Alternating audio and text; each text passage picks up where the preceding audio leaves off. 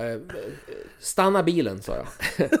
så han stannar bilen vid vägkanten. Eh, ja, vad är det då? Ja, men du och jag ska åka till England, du ska skriva på för Premier League.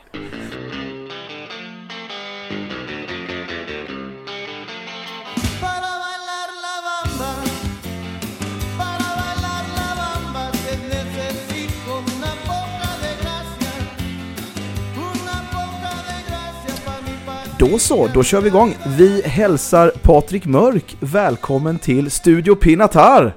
Eh, tack så mycket, eh, buenos dias. Buenos dias. Eh, vi, jag tänker att vi måste ju, någonstans måste vi börja från början. Vem är du, Patrik Mörk? Eh, fotbollsagent, eh, sen faktiskt, jag tror jag firar 40 år i branschen eh, om ett år. Så att jag håller på ett tag. Ja. Ehm, flyttade till Spanien då eh, för fem och ett halvt år sedan. Så att ni är ju på min hemmaplan nu så jag får hälsa välkomna till eh, den här delen av Spanien som är, som är mitt hem. Ja, tack så mycket. Vi hamnade ju på samma middag du och jag eh, för några dagar sedan och eh, vi hade, vi, vi- fann väl varandra i en vinlista? Ja, Det var där det började. precis. Det var skönt att inte bara prata fotboll med en grupp fotbollsledare. Så att, eh, men det var, det var väldigt trevligt. Ja. Men jag tänker att eh, det är kul att du är här i, i Studio Pinatar och det som är kul också är att eh, vi får kanske en intervju här där vi kan eh, göra, liksom prata fotboll utifrån ett, eh, ett perspektiv ut, utanför eh, Kalmar FF. Hur är det att vara agent i, i, idag, 2024? Hur ser, hur ser branschen ut? Eh, den har ju förändrats väldigt mycket. När jag började så... Jag var väl, jag brukar säga att jag är den första fortfarande levande svenska agenten. Före mig fanns ju bara en som heter Börje Lantz. Som kallades Mr 10% och var en stor profil. Så jag började...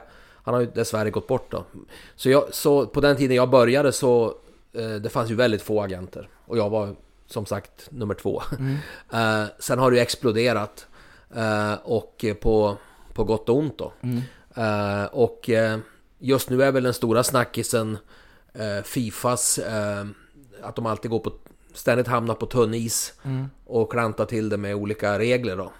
Eh, så att det var ju ett regelverk som var väldigt omtalat som sjösattes då för agenter i från första oktober i fjol. Som sen nu är lagt på is då för att eh, vilket man borde, vilket, vilket man egentligen förstod att det skulle inte hålla när det börjar granskas i olika domstolar i olika länder. Så, att, eh, så det är lite kaos, lite rörigt och det är inte lätt att, att, att hänga med vilka regler som gäller just nu faktiskt. Men är det så att det är lite utsatt att vara agent? För om min bild av agenter det är väl att det är, det, alltså, alla älskar ju inte fotbollsagenter, är min, min bild. Eller har jag fel då när jag säger så? Alltså, jag, får, jag brukar säga av journalister, nu är inte du en journalist, men där får jag ofta den här frågan hur känns det att vara en, ett, en så ifrågasatt yrke? Och jag brukar säga att under de här 40 åren, jag känner inte alls igen mig. Alltså alla vänner, grannar, folk inom fotbollen. Jag har aldrig mötts av något eh, ifrågasättande. Eh, det, det, det är journalister. Eh, som, har, här- som alltid ska söka den här negativa bilden som är rätt grundlös i regel. Nej, alla jag har stött på under mitt liv eh, som fotbollsagent, och det är ju som sagt ganska lång tid, tycker att eh, åh vad häftigt, vad kul jobb, resa världen över, hjälpa fotbollsspelare, hitta talanger. Ehm, så, så den här nidbilden då som man ibland skriver om, jag känner inte alls igen den överhuvudtaget. Jag tycker att det är ett jättecoolt jobb, det är ett drömjobb för många. Jag märker ju många som kontaktar mig och, och vill bli agenter. Eh, för mig, man hittar ju sin nisch inom fotbollen. Eh, du är någon slags mood manager och speaker och styrelsemedlem. Någon vill vara domare, det är hans grej. Någon är, eh, någon är tränare, någon är sportchef, någon är scout. Och, och jag säger jag var väldigt li, liten faktiskt. Eh, jag jag älskar den här delen att hjälpa, hitta talanger och hjälpa dem bli stjärnor. Så att för mig är det... Jag är tacksam för det liv jag haft som fotbollsagent. Eh, Jag kan känna igen mig lite i det där, för jag är själv eh, jag är krögare eh, till vardags, det är ju min, min, min riktiga profession. Och där finns ju också en, liksom en liten nidbild, även fast den, den bilden kanske börjar också förfinas lite. Men eh, din relation till Kalmar FF då, den är ju intressant. Den, eh, we go way back va, är det inte så? Ja, så är det. Ehm, Vi har ju en grund, vi har ju en, i vår agentur då, Global Soccer Management, så har vi ju en chefscout som är smålänning. Som bor i Växjö, men som är väldigt eh, rotad då i Kalmar-fotbollen. Och eh, han har gjort ett fantastiskt jobb och, och väldigt ofta eh, hjälper oss eh, signa upp och jobba med de, eh, eh, de bästa unga spelarna där. Och det, Så Kalmar är ju otroligt viktig för oss. Ehm, och eh, inte minst då, ja, vi jobbade ju med alla bröderna Elm. Det var ju fantastiska år ihop med dem. Eh, fortfarande kontakt med, med dem och, och inte minst med deras mamma Ulla som har blivit en vän för livet till mig och min familj. Fantastisk person. Eh, så bröderna Elm är ju, har ju varit episkt att jobba med. Eh, och alla turer. Och sen eh, vi tog ju både Svante Ingelsson och Melker Hallberg till Odinese en gång i tiden. Jobbar fortfarande med Svante som är i Tyskland nu. Och sen, ja, åren går. Men Ismail da Silva tog jag ju till Ryssland också. Okej, ja. Så det är väl de sex stora försäljningarna från Kalmar som, som jag har, har gjort. Ehm, och sen... Um, nej men det är ju en... eh, Det är en jag, alltså jag har ju bra känsla för klubben, och inte minst ledningen nu. Jag tycker att... Alltså Peter Svärd, Jörgen eh, Pettersson och, och, och, eh, och Jens. Ja men det är fantastiska människor. Eh, Peter har ju känt i hur många år som helst sedan han var tränare och... Ja men det är genuint bra personer. Och jag gillar känslan, jag har ju varit här och hälsat på er på den här campen och... Ja men jag gillar mixen av den här unge danske tränaren som bara glöder Men är supertrevlig. Eh, Positivismen Och, och ehm, ja, men jag, jag har en bra känsla, jag blir, jag blir glad av att komma och hälsa på här i eran eh, Camp Pinatar eller vad ni kallar det Det, det, det gläder ju oss FF-supportrar, men eh, har fotbollen förändrats på det sättet? Är det, är det liksom, är den, är det en bättre miljö att jobba i nu än hur det var för liksom exempelvis 10-15 år sedan eller 20 år sedan? Har det skett stora liksom förändringar i, i din värld? Liksom? Nej, det kan jag väl inte säga egentligen. Det, det, det är mycket de här verktygen som har kommit att, att klubbar mer... Alltså behovet av agenters hjälp för att hitta spelare är mindre idag. Ehm, Eftersom klubbarna har sina verktyg och, och eh, videoscoutar och de har sina spiders och allting. Men det som är lite charmigt då det är ju att Afrika är ju som förr. Du, gör, du, du kan inte göra några spiders eller, eller inte ens ofta videos på de här supertalangerna där nere. Och jag jobbar ju, jag jobbar ju mycket i Afrika också. Så, så, så Afrika är ju lite som i, i gamla tider, men när det gäller spelare, våra svenska spelare så, så är väl den stora skillnaden att klubbarna har ju som väldigt koll själva idag. Det är inte samma behov att sälja in en spelare som det var förr, utan klubbarna vet exakt vad, vad, vad, vad olika spelare kan och kan tillföra och så. Eh, hur, hur, hur mycket har dina spelarförsäljningar omsatt? Har du räknat på det någon gång? Har du, liksom, eh, har, har du någon sån liten bok där du sätter ett streck där för varje, för varje miljon som du har, som du har transfererat för? Liksom? Du menar i Kalmar eller totalt? Totalt tänker jag då. Nej, Nu ska vi skruva upp. Nej, jag har ju jobbat som sagt i nästan, ja vad är det, 39 år så att Alltså det händer då och då att det kommer fram en person till mig som, som säger att ja, jag tackar för att du, du tog mig till den klubben och jag kommer inte ens ihåg det. Så jag har ju säkert gjort många tusen övergångar. Så det, men jag räknade för några år sedan vad jag hade vad jag hade hjälpt svensk fotboll med försäljningar i form av de här afrikanska spelarna. Eh, jag minns inte siffran men det är ju Jag menar jag, jag tror bara en klubb som Hammarby tror jag att mina spelare har väl gett en vinst på snart 200 miljoner. Så att jag har ju hjälpt, det är jag ju stolt över. Ja. Eh, Jag har hjälpt svensk, just med de här afrikanska spelarna så har jag hjälpt svensk fotboll tjäna väldigt mycket pengar. Eh, Och, och det är ju en bra sak. Är, är du rik då? Eh, Allt är väl relativt. Ja. Men, men det är ju så, agentbranschen är ju sån att Jag brukar säga det, alla spelare vill jobba med den bäste. Så att det är ju en väldigt, det är ju en pyramid i agentbranschen där de som är i toppen eh, kan tjäna faktiskt väldigt mycket pengar. Och det är det som blir så fel, inte minst när då Fifa håller på och, och försöker alltid trycka ner agenter och, och, och snacka ner agenter och, och, och begränsa att man, man, man fokuserar på den här toppen av pyramiden.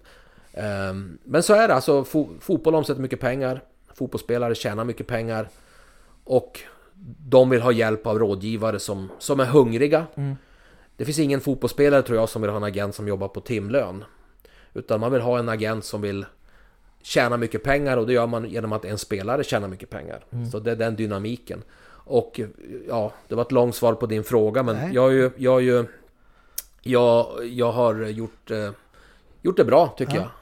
Och eh, jag har ju bra smak för viner, det märkte du. Verkligen. Eh, har det varit bråda dagar nu då? Det är fönster som öppnas och stängs och det är liksom, eh, det är ju en period där det sker mycket transfers. Har du, eh, har du haft bråda dagar? Ja, det har varit intensivt. Ehm, Det är ju så att det ofta de här... En transfer kan ju sluka upp allt och jag hade ju... Jag tog ju en spelare från Hammarby till franska ligan nu. Adjei som gick till Lorient. Och där var man helt uppslukad av den affären i fem dagar. Och, och både i, började i Marbella där Hammarby var på läger och sen åkte upp till, till Frankrike. Så att eh, ofta är det enstaka affärer som tar mycket tid. Eh, Men sen har väl rent allmänt det här vinterfönstret varit... eh, Det är väl någonting man allmänt säger även internationellt att det, det, har- det har varit mindre affärer, mindre aktivitet än det kanske brukar. Jag minns det var något vinterfönster faktiskt bara för något år sedan, om det var i fjol, som jag tror jag var inblandad och min agentur i, jag tror uppe i 30 övergångar. Men det är mycket, mycket mindre nu. Så att det kommer och går. Det är också att våra spelare som vi företräder kan ju, eh, kan ju sitta i, i kontrakt. Och, eh, och då kanske nyss har kommit till en klubb och då är det mindre sannolikhet att man byter. Så det är också går, det går liksom i cykler. Ekonomisk turbulens är det ju lite på världsmarknaden. Är det någonting som märks på, i, i, den, i den globala fotbollen liksom? Att det, att det är? Alltså fotbollen är ju så stark och så stor och det är ju som, ta de här covid-åren. Ehm, alltså när, när, när klubbar spelar matcher för tom publik under en hel säsong. Nej, jag märkte aldrig något. Jag märkte aldrig någon skillnad i nedgång. Ehm, det, sa, det finns ju statistik på det där att, att eh, under covid och, och så här att, att det var mindre transferpengar i omlopp. Men, men jag märkte ingen skillnad. Vi vet ju vad Kalmar FF är eh, rent eh, i, näringskedjan. Eh, en förening med eh, sådär, eh, runt 80 miljoner. Vi vet att vi behöver upp i omsättning. Men vad, vad skulle du säga är nycklarna eh, om du ska tipsa Kalmar FF hur, hur man ska gå vidare och, och driva sin fotbollsverksamhet? Alltså Kalmar gör det ju väldigt bra nu och eh, det ska man säga, det, det man ska inte... Don't fix what is not broken kan man ju lite säga. Kl- Klubben känns ju som att man nästan lite överpresterar, väl den allmänna uppfattningen. Eh, och först sa ju alla i fotbollssverige att det var Henrik Rydström som trolla. Och när han försvann så trodde alla att det skulle rasa, men sen går det minst lika bra ändå. Så att eh, de här gubbarna, Jörgen och de är nog... De, de, de förtjänar nog en, en... Jörgen och Peter till exempel förtjänar nog en status som är högre än vad de har i fotbollssverige. Jag tror de är otroligt skickliga. Sen är det alltid svårt att veta vad, vad beror framgångar på. Men Kalmar gör mycket rätt idag, eh, känns det som. Och det är ju... Man pratar positivt om Kalmar och även våra spelare. Om Kalmar vill ha en spelare från oss så är alltid det är ett bra alternativ. Och ni har ju även börjat sälja lite spelare nu. Eh, sen tror väl jag personligen att den USP som jag tycker rent sportsligt som, ni, ni, som Kalmar bör fokusera på. Eh, alltså när ni var som bäst, ja, så länge, under, i alla fall under min eh, vuxna tid. Det var ju när ni vann eh, SM-guld för några år sedan. Och då hade ni ju en mix mellan några eh, väldigt bra egna småländska killar och några magiska brassar. Och det här med alla dessa brassar som kom eh, eh, ner till Kalmar och de här omtalade scoutingresorna när Nanne får runt på Copacabana och, och hitta spelare. Eh, Det, det var ju häftigt. Var, var du med på de resorna? Nej, Ja. det var jag inte. Eh, Men jag, jag, jag, nu pratar jag som observatör. Ja, ja. Och, och, och jag tycker att det där, och jag, ända, sen, det som hände sen var ju världsekonomin eh, sabbade ju det där för att jag, jag också var aktiv i Brasilien. Jag tog en del spelare till Europa men eh, Någonting hände ju där, där plötsligt brasilianska fotbollsklubbar började få väldigt mycket pengar. Eh, exakt vad som hände och varför det blev så, det, det kommer jag inte ihåg. Eller det vet, det vet jag kanske inte. Men plötsligt så... Ett sånt exempel var jag tog en spelare som heter Fl- eh, Flavio till AIK. Han, vann, han var vann SM-guld för AIK. Eh, sen såldes han tillbaka till brasilianska andra ligan. Och det var ett bra, för mig ett bra exempel att när han kom, gick och värvade en sån spelare. Så kan AIK göra en bra affär på att sälja honom till andra ligan. Och idag är det ju så att det är ju bara att glömma eh, att hitta bra spelare i Brasilien. Jag brukar säga att en, klubbs, en, en, en, en klubb som Kalmar som, åk, som åker idag till Brasilien. Om man skulle göra någon slags ranking över Brasiliens största talanger. Alltså en väldigt eh, så att säga, allmän lista. Eh, alltså väldigt, väldigt subjektiv lista, så skulle kanske Kalmar ha chans på talang nummer 227. Men om Kalmar åker till Afrika, i nästan alla länder kan Kalmar välja mellan talang 1, 2 och 3. Det är en enorm skillnad. Och, och, det, för det har Kalmar, det, det, det är alltså realistiskt. Och tittar man då på ungdomssidan på U, ungdoms, U20, U19, U17-VM, U20-VM så är ju Afrika i princip lika bra. Så att eh, jag har försökt länge, för jag, i och med att Kalmar har ju visat att man kan ta hand om utländska spelare, förädla dem, få dem att trivas. Man hade en apparat med en, en, en, en jag minns ni hade en kille här som, som, som, som pratade portugisiska som tog hand om dem. Ni hade, Kalmar hade en apparat för det här som var väldigt bra. Sen drogs ju mattan bort. Mattan drogs undan för det här projektet. Och jag pratade då i några år med Kalmar eftersom den klubb vi är så tajta med, våran agentur, att ska vi inte köra i Afrika ihop? Men det har varit trögt. Eh, och jag har inte... Men det är egentligen nu då det har lossnat och, och nu har jag ju... Jag har ju haft två spelare nu eh, som, som, eh, som... Den ena har ju tyvärr blivit skadad. Eh, Awaka från Elfenbenskusten, så det är väl ett frågetecken. Men han har ju skött, det väl, skött sig väldigt bra. Och sen har vi den här fantastiska Vince från Nigeria som, eh, som har varit tränad två omgångar och som jag tror blir en stor spelare. En stor spelare i Europa är förhoppningen. Och eh, jag har ju ordnat några resor för, för Kalmar FFs ledare eh, till Afrika nu och eh, jag hoppas att det här är bara början ur, ur mitt perspektiv. Men jag tror även för Kalmars eh, att göra en, en ny era med förbaskat bra småländska talanger mixat med även andra spelare givetvis. Man måste alltid komplettera. Men att ha några, några, ett, några stycken eh, superbra afrikanska spelare. Som man kan, eh, både kan vara publikfavoriter och öka intresset och, och som man kan Ja, du sitter ju i styrelsen så att det är väl alltid bra att få lite intäkter. Ja men verkligen. Men eh, prata lite mer om Afrikaspåret, jag tycker det är intressant. Hur går det till och vad, vad liksom, hur, eh, hur hittar du rätt där nere liksom? Eh, Det är ju många länder, en stor världsdel liksom. Hur går det till? Jag har ju tidigt fastnat för det här. Det är ju för mig en... Jag tycker det är en, det är en passion inom mitt jobb att kunna åka ner till Afrika som jag har gjort då. Så ser jag en, en spelare på en dålig grusplan i ett skollag och så blir det Michael Essien. Och, och, och, eller en Asamoah Gyan eller så vidare. Ehm, när Peter Svärd var tränare i Helsingborg, då tjatade jag på honom att titta på en kille från Kenya som han motvilligt tog in i träning och det där skojar vi om idag för det var ju McDonald Mariga som sen vann Champions League med Inter. Jag, jag var också väldigt tidig på Afrika och, och det där liksom, det har alltid tilltalat mig den här det här sättet, det här, den här marknaden och till och med så att innan internet fanns så skrev jag brev till, kommer jag ihåg idag, till, till eh, folk där nere för att skapa kontakter. Så länge jag hållit på i Afrika. Så jag var ju egentligen också där långt före alla andra. Och sen idag är det ju, senaste decenniet det är ju väldigt många svenska agenter som, och andra som har försökt. Men det kontaktnät jag har är helt unikt. Jag har det i hela Afrika. Och, eh, och det kommer fram Jag tror det, det, det är också det jag pratar mycket med, med, med sportsliga ledningen i Kalmar att ehm, att den här rörligheten och att vara öppen för nya marknader, nya klubbar, nya projekt, nya akademier. Eh, för det är precis som Europa. Ett, ett år plötsligt har Island massa supertalanger. Eh, ett annat år kommer det fram någon annanstans och sen får Sverige fram någon Alexander Isak och någon Kulusevski. Det är samma i Afrika. Eh, det är en rörlighet där och, och, och man behöver eh, man behöver vara på hugget och jag tycker väl att Kalmar kanske borde åka dit oftare. Ehm, man gjorde väl så förr att Brasilienspåret, det var väl den här ja, efter säsongen-resan med, med Nanne och Kjell Nyberg ihop med någon agent där nere. Men man kanske behöver åka oftare eh, till Afrika. Eh, det har väl varit mitt budskap i alla fall. Då. Men vi har fått igång ett jättebra samarbete. Eh, Vince är ju här på lägret nu, nigerianen. Och, Ser väldigt fin ut.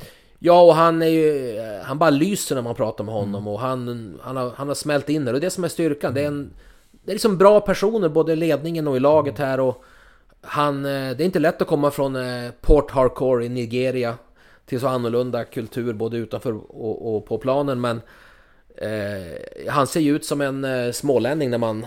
När han, I gruppen här va. Så att... Eh, jag hoppas att, eh, att, att, att Vince är eh, början till eh, någonting stort i mitt samarbete med Kalmar FF. Verkligen. De, de unga spelarna framförde ju Backstreet Boys I want it that way efter att de hade förlorat på träningen i ett moment och då såg man hur Vinst lös upp Eh, och eh, klappade och sjöng. Det var härligt att se. Men du, eh, jag tänker att eh, vi, vill ju ändå, vi vill ju ändå avsluta den här podden med att höra några liksom, eh, klassiska övergångar och det är ju ändå roligt att prata om några övergångar som ändå har liksom, sammankoppling med Kalmar FF. Vad, eh, när du får tänka tillbaka under din, din karriär, har du någon, någon övergång som, som varit eh, extra, liksom, som, som varit extra stor eller betytt mycket för dig? Eh, eller varit rolig och eh, varit slumpartad och sådär? Ja, alltså jag får väl, jag får väl om, om det är okej så kan jag ta två. Ja, ja. Eh, bo- gärna, gärna. Och, och, bo, och båda är ju kopplade till familjen Elm. ja. Eh, det ena var ju då Rasmus när, eh, när han eh, eh, jag var jagad av hela Europa. Jag, jag minns jag hade möte med Liverpool i Monte Carlo om honom. Ehm, eh, han var ju väldigt bestämd med vad han ville. Eh, Fiorentina som då var en stor klubb ville bjuda ner honom och Rasmus sa Patrik, åk ner du istället och kolla vad du tycker, jag litar på dig. så jag, så jag, var, hans, jag var hans ögon i, i Florens. Eh, det var otroligt snurr då. Ja. Och eh, sen åkte vi, jag minns vi åkte, först var, eh, var vi i England. Men det hade, han, gillade, han hade ingen bra känsla för, för England överhuvudtaget. Sen åkte vi till Leverkusen. Och då satt vi ner med Rudi Föller. En, en, en, en, favorit för mig som Ja, spelare, legend. legend. en legend. Och jag tyckte att det lät så förbaskat bra med allting i Leverkusen. Storklubb, allting. Eh, men jag såg att Rasmus var tveksam. Och då frågade eh, eh, Rudi Föller att jaha, vad, vad ska ni göra nu då? Jag sa vi har en, kvar klubb och, en klubb kvar att besöka. AZ. Och då log han. Han kunde inte säga att AZ Alkmaar var ett, en konkurrent till, till dem. Nej. Så att eh, Rudi Föller var så generös och han sa, "Har ni, hur kommer ni dit då? Nej, jag sa vi ska hyra bil. Han sa, nej men det löser jag. Så vi fick ju en sportmersa av Rudi Föller eh, som vi fick lisa och köra dit.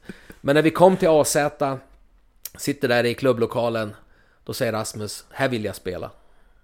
Så eh, det var nog väldigt otippat, eh, bland de mest, mer otippade klubbvalen. Och lika otippat var ju när Rasmus gick till Ryssland. Ja. Eh, det är en helt egen historia hur, hur, hur det hände och ingen fattar ju någonting. Att Rasmus Elm väljer gå till Ryssland. Eh, men den kan vi ta i nästa podd. Den, Ja. den är lång. Eh, den andra svindlande storyn, det var ju när jag fick ett samtal från Fulham. Som frågade om de kunde värva David Elm. Och då, då var det alltså tre dygn kvar av transferfönstret. Ja. De hade missat en stor nia från Holland. Ja.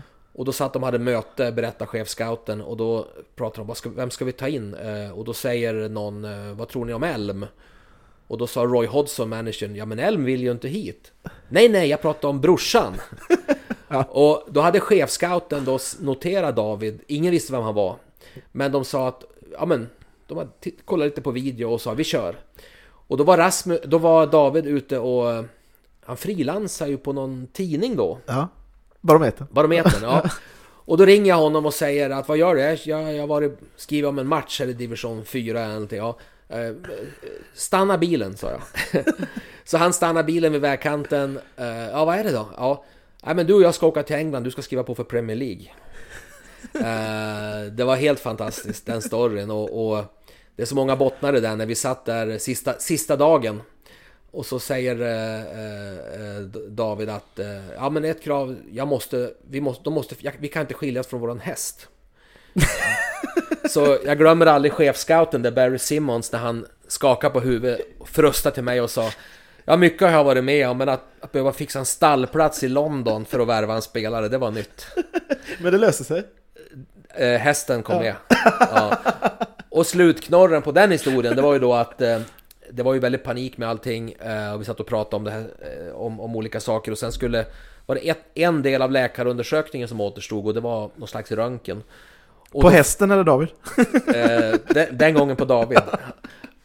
Och grejen var då att efter den här undersökningen så fastnade bilen med David i Londontrafiken. Och jag tror att vi, jag tror vi klarade det här med typ fyra minuters marginal. Annars hade övergången spräckt. Herregud. Den där paniken jag kände när jag satt på träningsanläggningen med, med Fulhams ledning och vi väntar på David. Den vill jag inte uppleva igen. Det, det känns som att du har haft några gånger med hög puls här eh, i den här branschen. Jo, men det är ju en del av tjusningen eh, också att eh, när någonting är svårt och man vet hur lätt det kan gå fel så är ju glädjen desto större. När man då sitter sen med en avklarad affär och, och firar med någon i familjen Elm eller någon annans fotbollsspelare och man vet att hur hårt jobb det är och hur lätt det kan spricka. Ja, då blir ju glädjen desto större. Du är handelsresande i fotboll, du ska rulla vidare här nu. Jag vet att du, ska, du är på väg till Marbella. Vad ska du göra där? En av fördelarna med att bo här nere i södra Spanien, jag bor ju i Alicante, Ja. är ju att eh, mer än halva allsvenskan och, och många andra klubbar är ju här nere. Så eh, jag ska besöka ja, mina spelare och även träffa folk i eh, Eh, AIK, Hammarby, Norrköping, Malmö, Sarpsborg. Eh, det blir väldigt trevligt. Är ju, De är ju inte lika trevliga som Kalmar FFs ledning. Nej, det är klart. Det är klart. Men eh, jobbet måste ju göras. Ja, super. Och här i Pinatar så eh, laddar vi upp för eh, träningslägets enda eh, match då mot eh, ukrainska Polisia. Klockan 17.00 börjar den. Får se om när den här podden kommer ut. Men eh, Patrik Mörk, du ska ha stort tack för att du kom till Studio Pinatar och eh, berättade lite om, om din livshistoria. Ja Mycket men det var intressant. jättetrevligt och nu har jag hört så mycket om det här Postgatan Ja. så att eh, jag bokar ett bord när jag kommer till Sverige nästa gång. Det blir du och jag och Ulla. Trevligt, Ja. mycket trevligt. Tack Patrik! Tack, tack.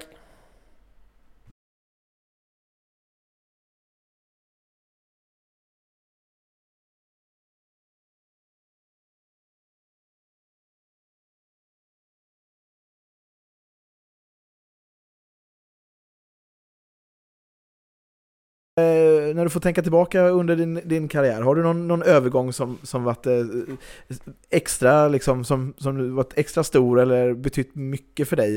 Eh, eller varit rolig och eh, varit slumpartad och sådär?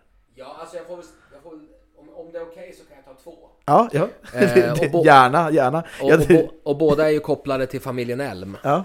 Eh, det ena var ju då Rasmus när, eh, när han eh, eh, jag var jagad av hela Europa. Jag, jag minns jag hade möte med Liverpool i Monte Carlo om honom. Ehm, eh, han var ju väldigt bestämd med vad han ville. Eh, Fiorentina som då var en stor klubb ville bjuda ner honom och Rasmus sa Patrik, åk ner du istället och kolla vad du tycker, jag litar på dig.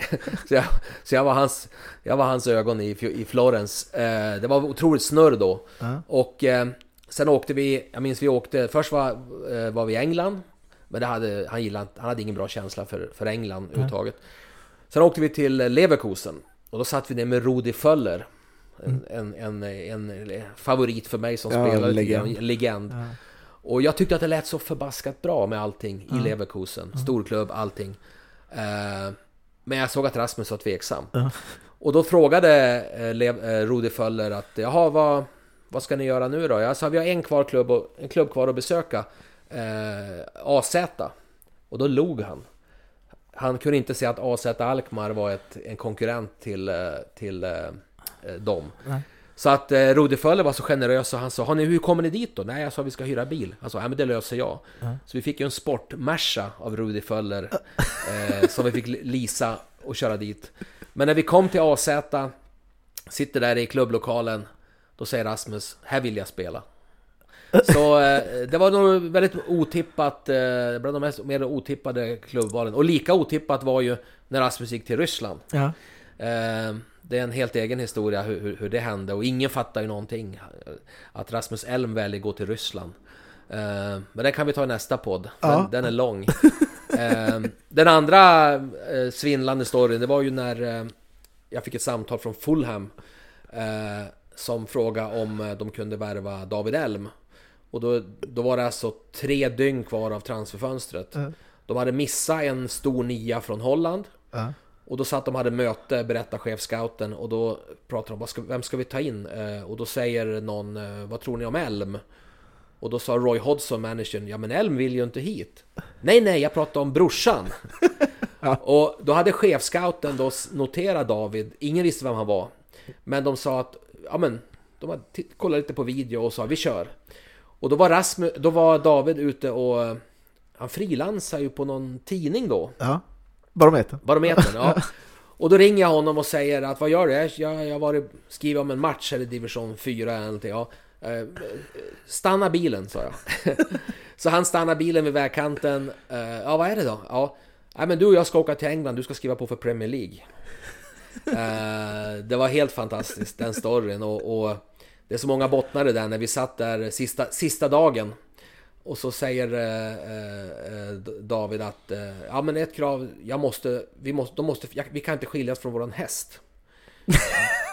så jag glömmer aldrig chefscouten där Barry Simmons när han skakade på huvudet, frustade till mig och sa Ja mycket har jag varit med om men att, att behöva fixa en stallplats i London för att värva en spelare, det var nytt.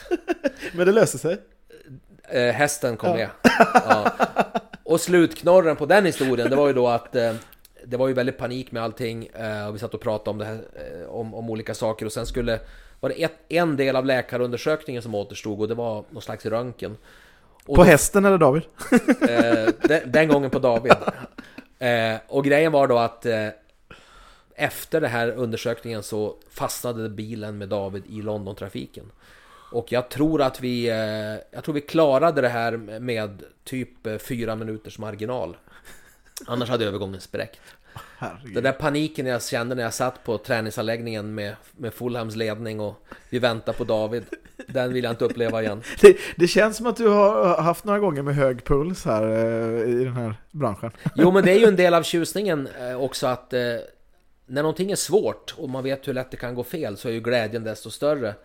När man då sitter sen med en avklarad affär och, och firar med någon i familjen Elm eller någon annans fotbollsspelare och man vet att hur hårt jobb det är och hur lätt det kan spricka.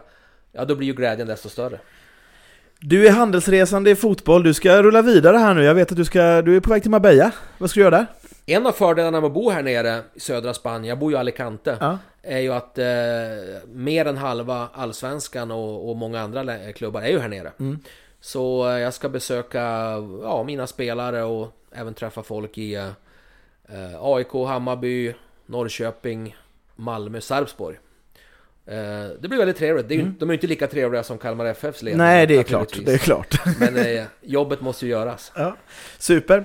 Och här i Pinatar så eh, laddar vi upp för eh, träningslägets enda eh, match då mot eh, ukrainska Polisia. Klockan 17.00 börjar den. Får se om när den här podden kommer ut. Men eh, Patrik Mörk, du ska ha stort tack för att du kom till Studio Pinatar och eh, berättade lite om, om din livshistoria. Ja Mycket men det var intressant. jättetrevligt och nu har jag hört så mycket om det här Postgatan Ja. så att eh, jag bokar ett bord när jag kommer till Sverige nästa gång. Det blir du och jag och Ulla. Trevligt. Ja. Mycket trevligt. Tack Patrik! Tack, tack.